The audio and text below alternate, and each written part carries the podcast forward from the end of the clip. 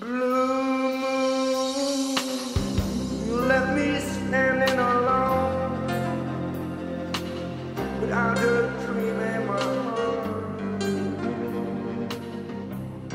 hele goede middag en welkom bij de Herman Broadcast seizoen 2 episode 1. Ik ben Max Bernard, ik ben jullie host voor vandaag en eh, ik heb vandaag een fantastische gast meegenomen. En dat is eh, Mike B. Goeiedag Mike. Hey, goedemiddag. Goeiedag, hoe gaat het ermee? Nou ja, eh, gezien de omstandigheden eigenlijk best wel goed. Ik bedoel, het is een heel stom jaar, maar ik ben nog steeds vrolijk en blij en gezond. Dus ja. Dat had ik ook niet anders verwacht qua van je persoonlijkheid. Hier jullie host Max. Klein probleempje. De eerste 7 minuten van de aflevering zijn heen gegaan. Rest in peace. Ik zal een kleine recap doen van wat er is besproken. We hebben het over corona gehad en nu hebben we het over hoe het is om een artiest te zijn en muziek uitbrengen in de jaren 70, 80 tot aan nu. En dan nu terug naar de aflevering. Maar dat bij bepaalde ehm, eh, muziekgenres in Nederland de afgelopen jaren wel, het wel meer mogelijk is geworden om je brood er echt daadwerkelijk in te verdienen. Eh, ja, Ook, ook door de streaming services, het independent kunnen zijn eh, van alles. Je hebt niet per se een platenlabel Klopt. nodig. klopt. Maar dat was in de jaren negentig nog wel anders. Een hele andere, ja, hele andere tijd, ja. En het is inderdaad ook zeker genreafhankelijk. Hè? Als en, en ook, ehm, het heeft ook te maken met of jouw muziek toegankelijk genoeg is. Ja. Ik bedoel, EDM is nu eh, super populair, hip-hop is super populair. Dus met die genres en als je een beetje catchy nummers maakt, dan wil dat wel. Maar voor alle andere dingen, ja goed, Kensington eh, die, die, die, die redt het als poprockbandje zeg maar prima. Maar onder de Kensingtons, eh, daar, is, daar is zeg maar het topje van een ijsberg waar ik weet niet Ja. hoeveel duizenden bandjes zitten die allemaal geen gedroogd brood verdienen. Waar je ook nog nooit van hebt gehoord. Ik weet, Nee. ik zoveel Nederlandse bands nog nooit gehoord. Nee, soms is dat terecht, maar ja, ja, maar er zal vast ook wel wat kwaliteit tussen zitten. absoluut. Wat ja. ik ook heb eh, de laatste jaren eh, meer heb gezien, is, eh, zijn de coverbandjes die eh, eh, wel heel goed gaan de laatste tijd. Heb ik ook gedaan. Ik, sterker nog, Dat heb je ook eh, gedaan. ik heb tribute bands gedaan voordat het hip was. Ik heb al met een eh, Led Zeppelin tribute band in Tivoli gestaan, met een Deep Purple tribute band in Daadwerkelijk ook eh, zelf gespeeld of eh, was ja. het meer een geluidstechnicus ook? gestaan. Nee, dat, eh, als, als uitvoerend, eh, eh, eh, als, als, als bassist, zeg maar. Ja. Oké, tof. Ik, heb, ik heb het voorprogramma van Queens of the Stone Age gestaan, man. Echt. Ja. Ik ben zelf niet bekend met Queens of the Stone Age, dus eh, Nee, misschien ja. heel slecht. Jonkie. Moet je me Nee, anders maar maar, weer even zeggen in de les. Voordat, ik- voordat ik er een te lang verhaal van maak. Ik kon als muzikant, kon ik, eh, ja, dat, dat verdien ik gewoon niet genoeg. En eh, ik- eigenlijk kwam het erop neer dat ik een, dat ik een uitkering moest aanvragen. En eh, ik had ondertussen een hobbybandje erbij met, eh, met, met drie jongens die allebei bij Theater Kikker werkten. En eh, daar, daar werkten ze in die tijd in de jaren negentig nog als vrijwilliger. En ik zei van, nou ja, weet je wel, ik, ik snap ook wel hoe zo'n mengpaneel werkt. Ik had ooit eens een keer voor, mijn, voor, een, eigen, voor een voorprogramma van, van mijn band een keer monitors gedaan. Oh, werkt dat zo? En toen dacht ik, dat vind ik wel geinig. Ik wil best bij Theater Kikker geluid komen doen, vrijwillig. Nou, dat eh, zo gezegd, zo gedaan. Binnen een paar maanden werd ik gevraagd door Tivoli, want ik viel toch wel op omdat ik dat goed kon. Mhm. En, eh, en een paar jaar later, twee jaar later of zoiets, eh, ben ik samen met eh, een collega, was, was ik, werd ik gevraagd om de eerste betaalde geluidstechnicus van Tivoli te zijn. Dus dat is eigenlijk mijn eerste echte baan. Dat ik bij Tivoli Oké, maar dat was ook gewoon als de, de eerst betaalde geluidstechnicus ook, bij Tivoli. Ja. Dat is ook op zich wel een, een milestone, om eerlijk te zijn. Toch? eh, Het is wel iets om Ja. trots op te zijn. Ja, kun je wel zo zien. Ja, zo heb ik het destijds in die tijd niet gezien. Als ik, als ik heel eerlijk ben, ik, vond, ik, ik tekende mijn contract met tegenzin. Echt? Echt waar. Maar Ja. waarom? Eh, omdat ik, ik zag het als een soort alsof ik het opgaf om muzikant te zijn. Want ik had zo graag Ah. muzikant willen zijn. Op het moment dat je dan dat vaste je, die baan tekent, die ervoor zegt dat je misschien niet meer makkelijk op tour kunt. Hè, want dat zeg je natuurlijk Ja. als je vast voor een zaal bent. Dat was voor mij wel even slikken, want ergens zet je dan je droom aan de kant. Dus eh, aan, ook aan alle mooie dingen zit ook een keerzijde. 100%. Maar hoe heb je dat op een gegeven moment dan, dat gedeelte van je droom, ehm, los, nou, die- ja, losgelaten, zeg maar? Hoe Heb je er niet. meer acceptatie? ja, dat, dat loslaten doe je niet, want het blijft een droom. Maar hoe heb je er meer acceptatie in gevonden? Of vond je het werk gewoon in, zo leuk dat je er eh, ja, meer in- acceptatie in had? Nou, weet je wat het is? Ehm, ik ben gewoon eh, in bandjes blijven spelen. En, en muziek blijven maken en blijven optreden, gewoon op kleine schaal. En, en eh, ja, hier en daar nog eens wat interessante dingen gedaan. En, eh, en op een gegeven moment merkte ik dat waar het mij eigenlijk om gaat, ik ben, ik, zoals ik al zei, ik ben muziekliefhebber. Ik ben muziekliefhebber in hart en nieren. Mhm. En je kunt ook als technicus kun je daar een lol in hebben. Want als, als ik een te gekke band sta te mixen, ik maak de front of house mix. En je, je voelt die decibellen uit de PA komen en, en jij zorgt voor die mix. Ik zeg altijd tegen het bandje, als je mij ziet dansen achter de mengtafel, dan hoef je je niet ongerust te maken, want dan klinkt het goed. Dat Ja, klinkt dat is echt goed. waar. Ja, En Dus ik sta Ja, ook als geloof ik. met een beetje, als ik een beetje sta te bewegen, dan, eh, ja, dan zit ik er echt lekker in. En dan voel je je toch als een soort van die extra muzikant die, die ervoor zorgt dat het geheel overkomt. En dat is te Ja, gek. Dat, En op dat die is manier, een heel onderschat iets. ja, en op die manier maak je ook deel uit van de beleving. En nog één stapje verder. ehm, ik geef nu popvisie eh, op de Herman Brood Academie. Dat is waar ik zelf de lessen voor heb ontworpen. En als ik heel eerlijk ben, ik zie eigenlijk elke les die ik doe, zie ik ook als een performance. Want ik heb publiek voor mijn neus zitten. Dat in, Ah, principe, dat in principe wel geïnteresseerd is, maar nog niet weet of het leuk wordt. Nou, dat is hetzelfde als een concert. Ik moet dus eigenlijk met een enthousiast verhaal komen. Eh, ik stop dat, ik gooi er al mijn energie in, want ik heb een doel. Ik weet wat ik wil Ja. vertellen. En ik weet wat ik over wil brengen. En ik ben er zelf enthousiast over, net zoals Ja. een artiest dat is over zijn eigen muziek. En als ik een goed concert geef, is dat het, een soort van hetzelfde als een goede les. Dat je merkt dat, dat mensen een beetje twinkeltjes in hun ogen krijgen. Of na afloop van de les even willen blijven hangen om een babbeltje te maken. Of dat je merkt dat ze er gewoon mee blij mee worden. En het is niet hetzelfde als een concert. Maar er zit wel een deel overeenkomst in. Dus het gaat Ja. er gewoon om dat je plezier hebt in het werk dat je doet.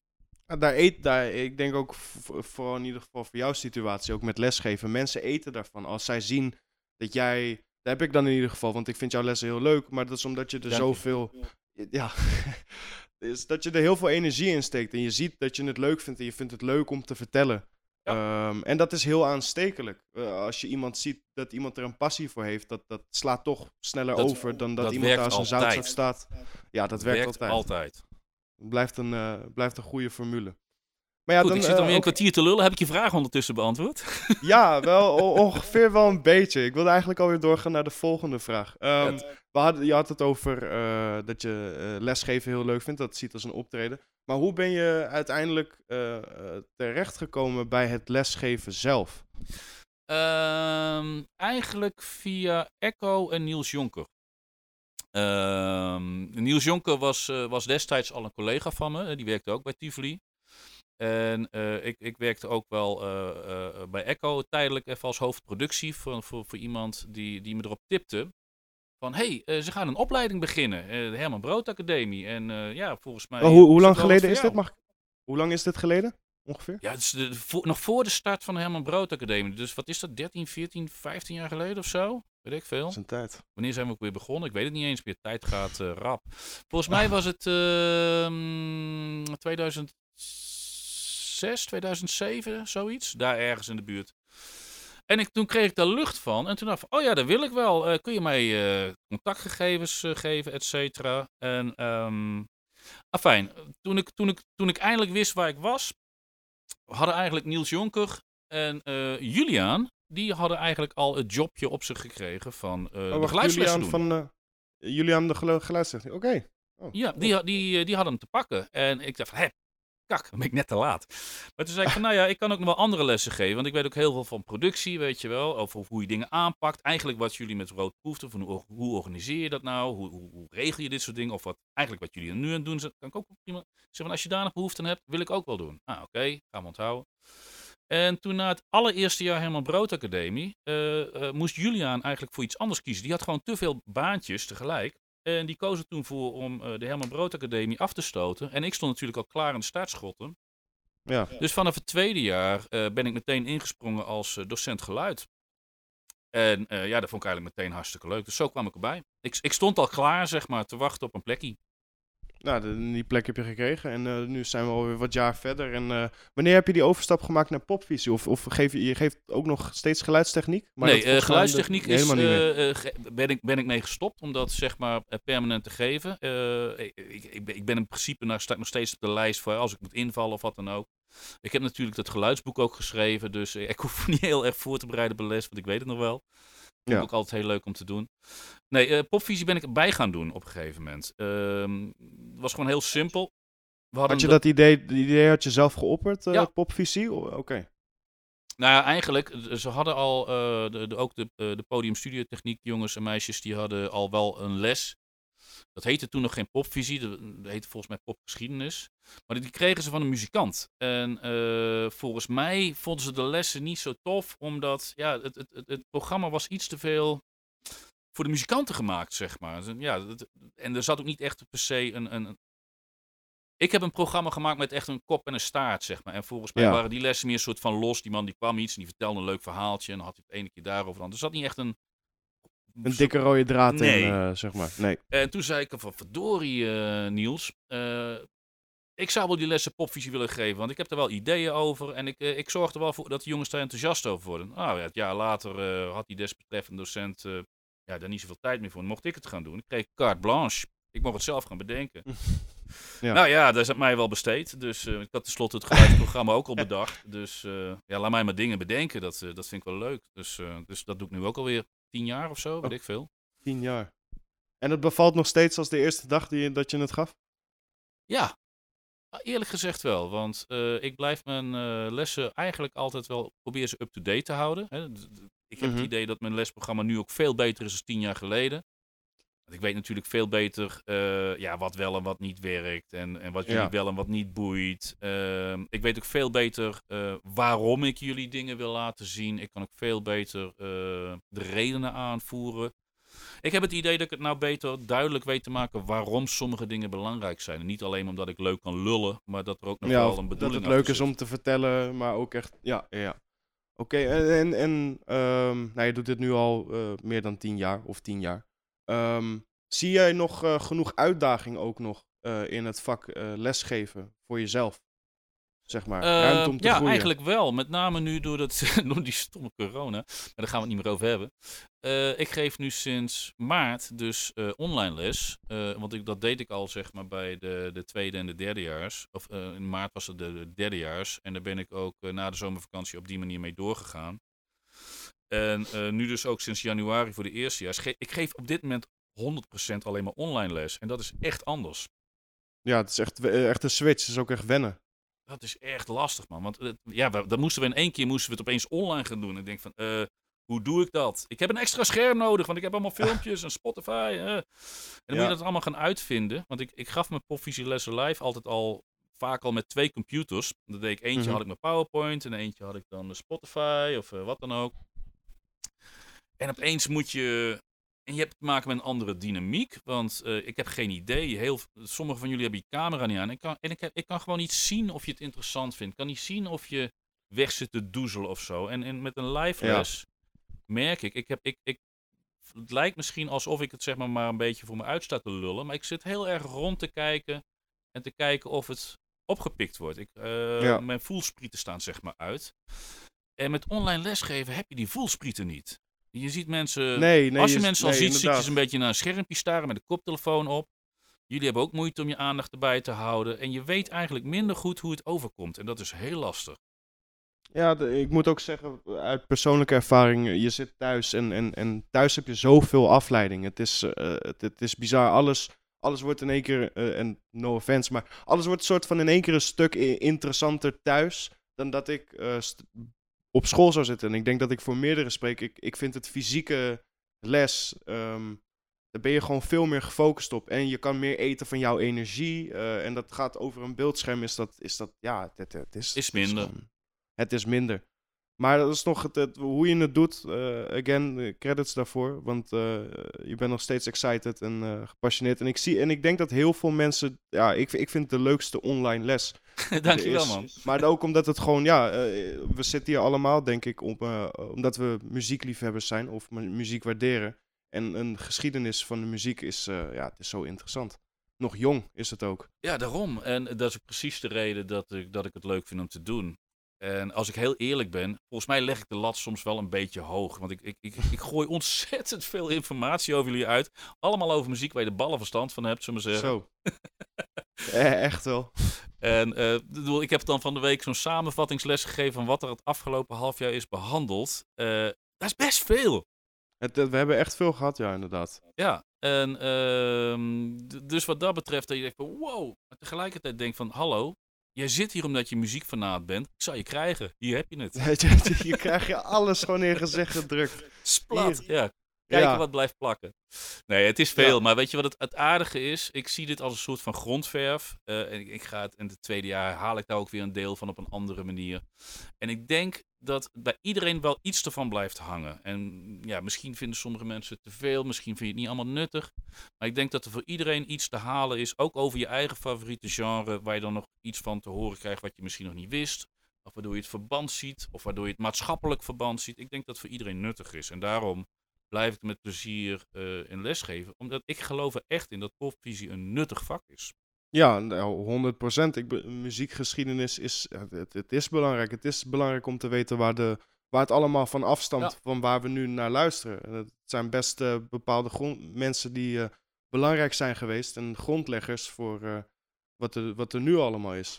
Ik, heb, ik, ik ken wel een uitdaging aan jezelf terug. Jij noemt het nu eh, muziekgeschiedenis. Hè? En ik kan me voorstellen dat het in het eerste jaar heel erg zo overkomt. Mhm. En ik ben eigenlijk benieuwd, en dat is eigenlijk een vraag die ik je over twee jaar zou moeten stellen. Als je in het derde jaar zit, of je dan nog steeds puur als muziekgeschiedenis zit. Of dat je dan door de rode lijnen die ik je probeer duidelijk te maken, eigenlijk een soort van besef aangeleerd krijgt van hoe, hoe dingen nou werken in de muziekindustrie. Gecombineerd met die eh, muziekgeschiedenis. Daar ben ik nog wel benieuwd naar. Maar dat is in het eerste Ja, jaar denk ik nog te eh, vroeg om dat te verwachten. Ja, ik, ik denk het wel, want nu krijgen we alle history van alle, eh, nou, of, of ja, nou, his- ja, alle history eh, over alle genres, in ieder geval tot de jaren 2000. Hm. Ehm, en je ziet al wel inderdaad dat er een rode lijn tussen zit. Tussen heel veel genres. Dat het zoveel van elkaar, van elkaar pakt, zeg Ja. maar. Maar ja, nee, dat, dat, dat- stel me die vraag over twee jaar. En dan goed, zal, ik hem, zal ik hem heel goed beantwoorden. Ik, hoop dat ik het zelf ook onthoud. Vast wel. Luisteren we maar weer terug. Dan luisteren we deze podcast Ja, precies. En dan, eh, eh, dan, komen ja. we, dan doen we een deel 2. Sowieso.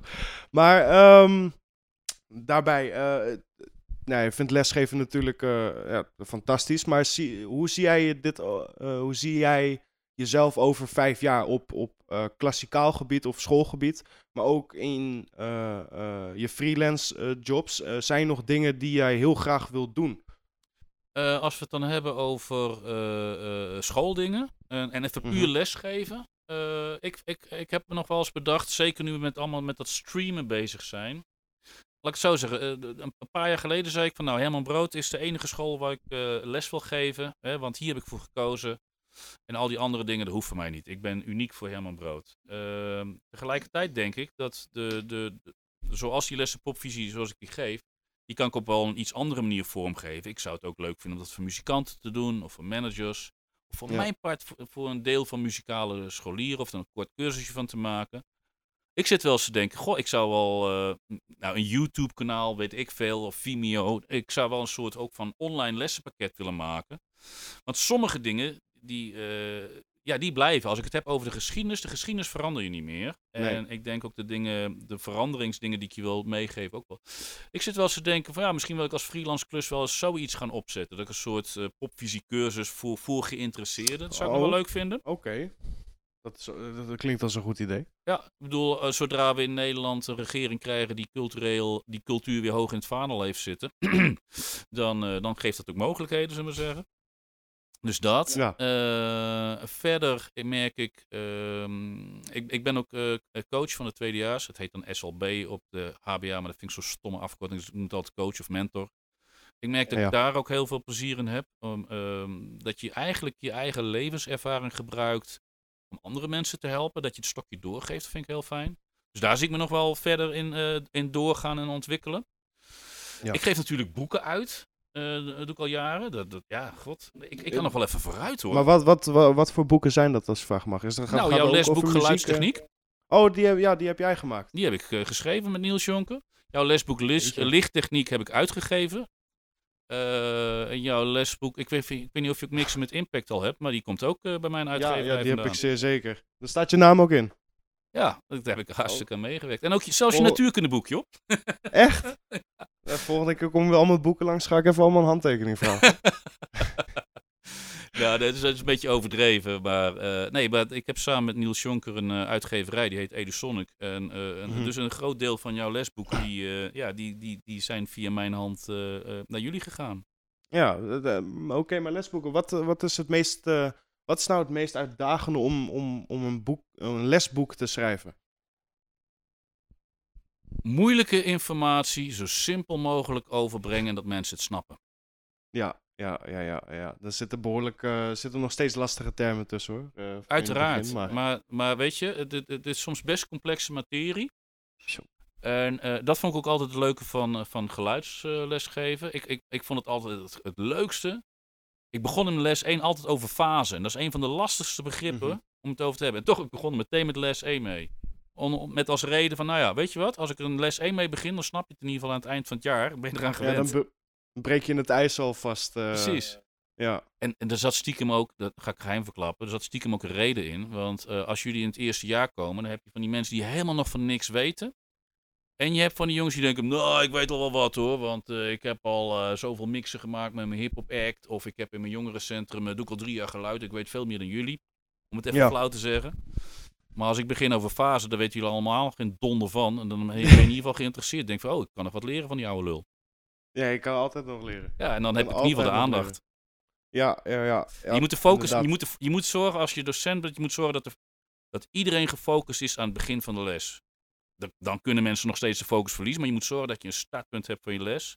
En dat is altijd met iets beginnen wat, wat mensen interessant vinden Ja, je, mo- of niet weten. ja, getriggerd houden gewoon. Je moet ze mensen triggeren. Ja. Ja, je moet een brein eh, eh, actief houden en prikkelen. Oké.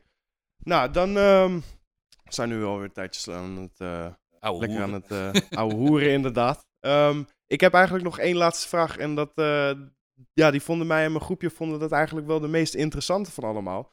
Overal waar wij jou proberen op te zoeken op het internet of om research op te doen, wij komen overal Mike B tegen. Zelfs op de officiële site van de Herman, Bro Herman eh, Brood Academie. Dan heb je alle leraren of, eh, of mensen die dan meewerken. En dan heeft iedereen een leuk fotootje. Ja. Eh, behalve één man genaamd Mike B. Ehm, wij zijn nu eigenlijk wel heel erg geïnteresseerd. En ik hoop ook anderen. Waar die B nou eigenlijk voor staat. En dan hoop ik niet dat je, nou, als je dit nou zegt, dat je allemaal stalkers gaat krijgen overal op Nee, het nee, internet. Ehm, ja, waarom Mike B? Eh, het- ja, hoe, hoeveel tijd wil je dat ik hierover lul? Oké, wel- welke versie wil je geven? Wil je de la- Doe maar de korte versie, De want korte zoveel tijd hebben we niet meer. Oké, korte versie. Eh, het kwam er eigenlijk op neer. eh, het is ooit eigenlijk uit een soort, deels uit frustratie, deels uit eh, een idee van een andere muzikant begonnen. Ik heb helemaal niet zo'n rare achternaam, maar die, die weten mensen dan toch soms verkeerd te schrijven. En ik zat in een eh, Amerikaans bandje van eh, Paul K, Paul K, zeg maar. En die, eh, die zei van, ja, eh, eigenlijk heet ik eh, Kopaz, K-O-P-A-S-Z. En iedereen schrijft het altijd fout. En bovendien ben ik de vondeling gelegd, dus niet eens mijn eigen naam. Eh, dus ik was er klaar mee. Ik noemde gewoon Paul K. En ik dacht van, goh, dat vind ik interessant zeg. Want eh, ik heb dat ook. Dus ik dacht van, nou oké, eh, ga ik dat ook doen als Mike B. Want ik was er ook gefrustreerd over. Dus ik begon dat voor de grap te doen. Eigenlijk voor Ja. de grap als geintje. En wat er vervolgens gebeurde, is dat eigenlijk precies gebeurde wat jij nu kent. Van, van ja, verdorie, wie is dat dan, die Mike B? Het, het, het triggert Oh. mensen omdat je je achternaam Ja. niet geeft. Dus je Ja, ja, interessant. En nou ben ik zo'n zo'n etterbak die het dan leuk vindt om een beetje mensen te pluizen. Nee, dat zeg ik niet. Ja, waar staat die B dan voor? Ja, die staat voor basgitaar, want daar speel ik. Nee, dat- kan niet. Ik zeg, die staat voor Baliestraat, want daar woonde ik toen. Dat was het adres. Die staat voor bordspellen, want eh, ik ben een enorme bordspelfanaat. Eh, of, en, en, eh, die staat voor B-sides, dat was mijn bedrijfsnaam. Dus ik was, was allemaal flauwekulverhalen aan het verzinnen waar die B dan zogenaamd Ja. voor stond. En ik merkte gewoon, ik weigerde gewoon altijd mijn achternaam te geven. Gewoon mensen te laten realiseren, hé hey man, die naam boeit niet zo. En wat ik vervolgens merkte, en daar ben ik er consequent in geworden, is dat mensen me beter onthielden. Die stront Ja. eigenwijze gast die zijn achternaam niet geeft, dat is Mike B. Dus niet Mike Hupplepup, maar nee, Mike B. En dat is die gast. Nou, je, je ziet het maar weer. Wij waren ook allemaal van, ja, wa- wat is dit nou weer? Alleen maar die B. Wat is die B nou? wat maakt die B nou zo interessant? Eh, We wisten het ook niet. Gewoon het feit dat je iets anders doet als de rest van de wereld, maakt je interessant. En ik ben daar heel consequent in. En eh, ik ben er ook heel Piet Luttig in. Ik heb ook nodige voeten in de aarde gehad voordat ik in de roosters en op school en op websites... Ik zeg weg met die, eh, wat er in mijn paspoort staat. Bovendien, ik gebruik dat niet. Voor mij is Mike B echt mijn naam. Het staat ook Dat echt op mijn gewoon, voordeur. ja. Het staat op mijn lesboek. Weet je wel, ik gebruik dat als achternaam. En ik hou er ook wel van om mensen een beetje tot nadenken te stemmen. Weet je, je voornaam kun je zo wijzigen. Eh, ja, in principe wel, ja. Nou, één tipje van de sluier. In mijn paspoort staat ook niet Mike als voornaam. Nou, ho hoor. Heb Nee, je ook nog een tweede naam, derde nee, naam? nee. Ik, ik, ik, ik heet, officieel heet ik Michael. Maar dat krijgt, niemand goed uit zijn bek. Oh. Dus eh, toen ik 12 werd, zei ik van, ik ben er klaar mee. Ik heet Mike. Oké, prima. En iedereen Ja. doet dat. Ik ken ook mensen die hebben gewoon een hele voornaam veranderd. Eh, eh, ik heet niet meer Ja. Annemarie, ik heet Anne. Weet je, dat kun je allemaal doen en iedereen accepteert dat. Maar zodra je dat met Ja, je klopt. achternaam gaat doen, wordt het opeens raar. Wat is dat voor flauwekul? Nou, en ik doe dat. En daarmee, Hou je iedereen eh, getriggerd, geïnteresseerd. ja, niet bewust. Het is een soort statement eigenlijk. En ik denk dat het een statement is dat bij mijn recalcitrante zelf past. Want daar ben ik wel een beetje. Klein beetje. Klein beetje. Klein beetje. Klein beetje. Ja. Nee, nou oké, nou dan weten we dat verhaal. Maar er is ook hier een lange versie van dus. Eh, nou, dit was lang genoeg, toch? Dit was inderdaad, ja, ja, ja, kan inderdaad lang genoeg. Nou, dan, eh, dan is dit alweer het einde van de, van de aflevering. Ehm, Ik wil je in ieder geval hartstikke eh, bedanken dat je tijd vrij hebt gemaakt eh, om eh, in de podcast te zijn. Ik hoop dat je het leuk hebt gehad. Eh, ja hoor, leuk ik vond het hartstikke leuk. Dat is top. Ik en het eh, eh, leuk. dan nog één laatste, laatste vraag. Wat Ja. is eh, tips die je eh, mee wil geven aan eh, jongere mensen die een eh, carrière willen maken in de muziekindustrie? Dan maak ik daar een algemene tip van die eigenlijk geldt voor je hele leven. Is dat je alleen maar dingen moet doen waar je achter staat.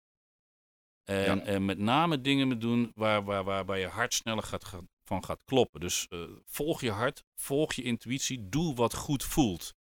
En als je denkt dat er geen weg is, dan maak je die gewoon. Zo is het. Zo is het. Nou, deze ga ik op mijn badkamertegeltje, laat ik die opdrukken. en dan, eh, Een Models blauw tegeltje, ja. Ik, mag ik er ook Ja. een bestellen? Ja, tuurlijk, tuurlijk. Zeker weten. Nee, hartstikke bedankt. En eh, voor de luisteraars, hartstikke bedankt voor het luisteren naar de eerste aflevering van seizoen 2. Ik hoop dat jullie eh, het leuk hebben gehad. En eh, tot eh, aflevering 2. Oké, hoi hoi. Doei. Doei. Doei.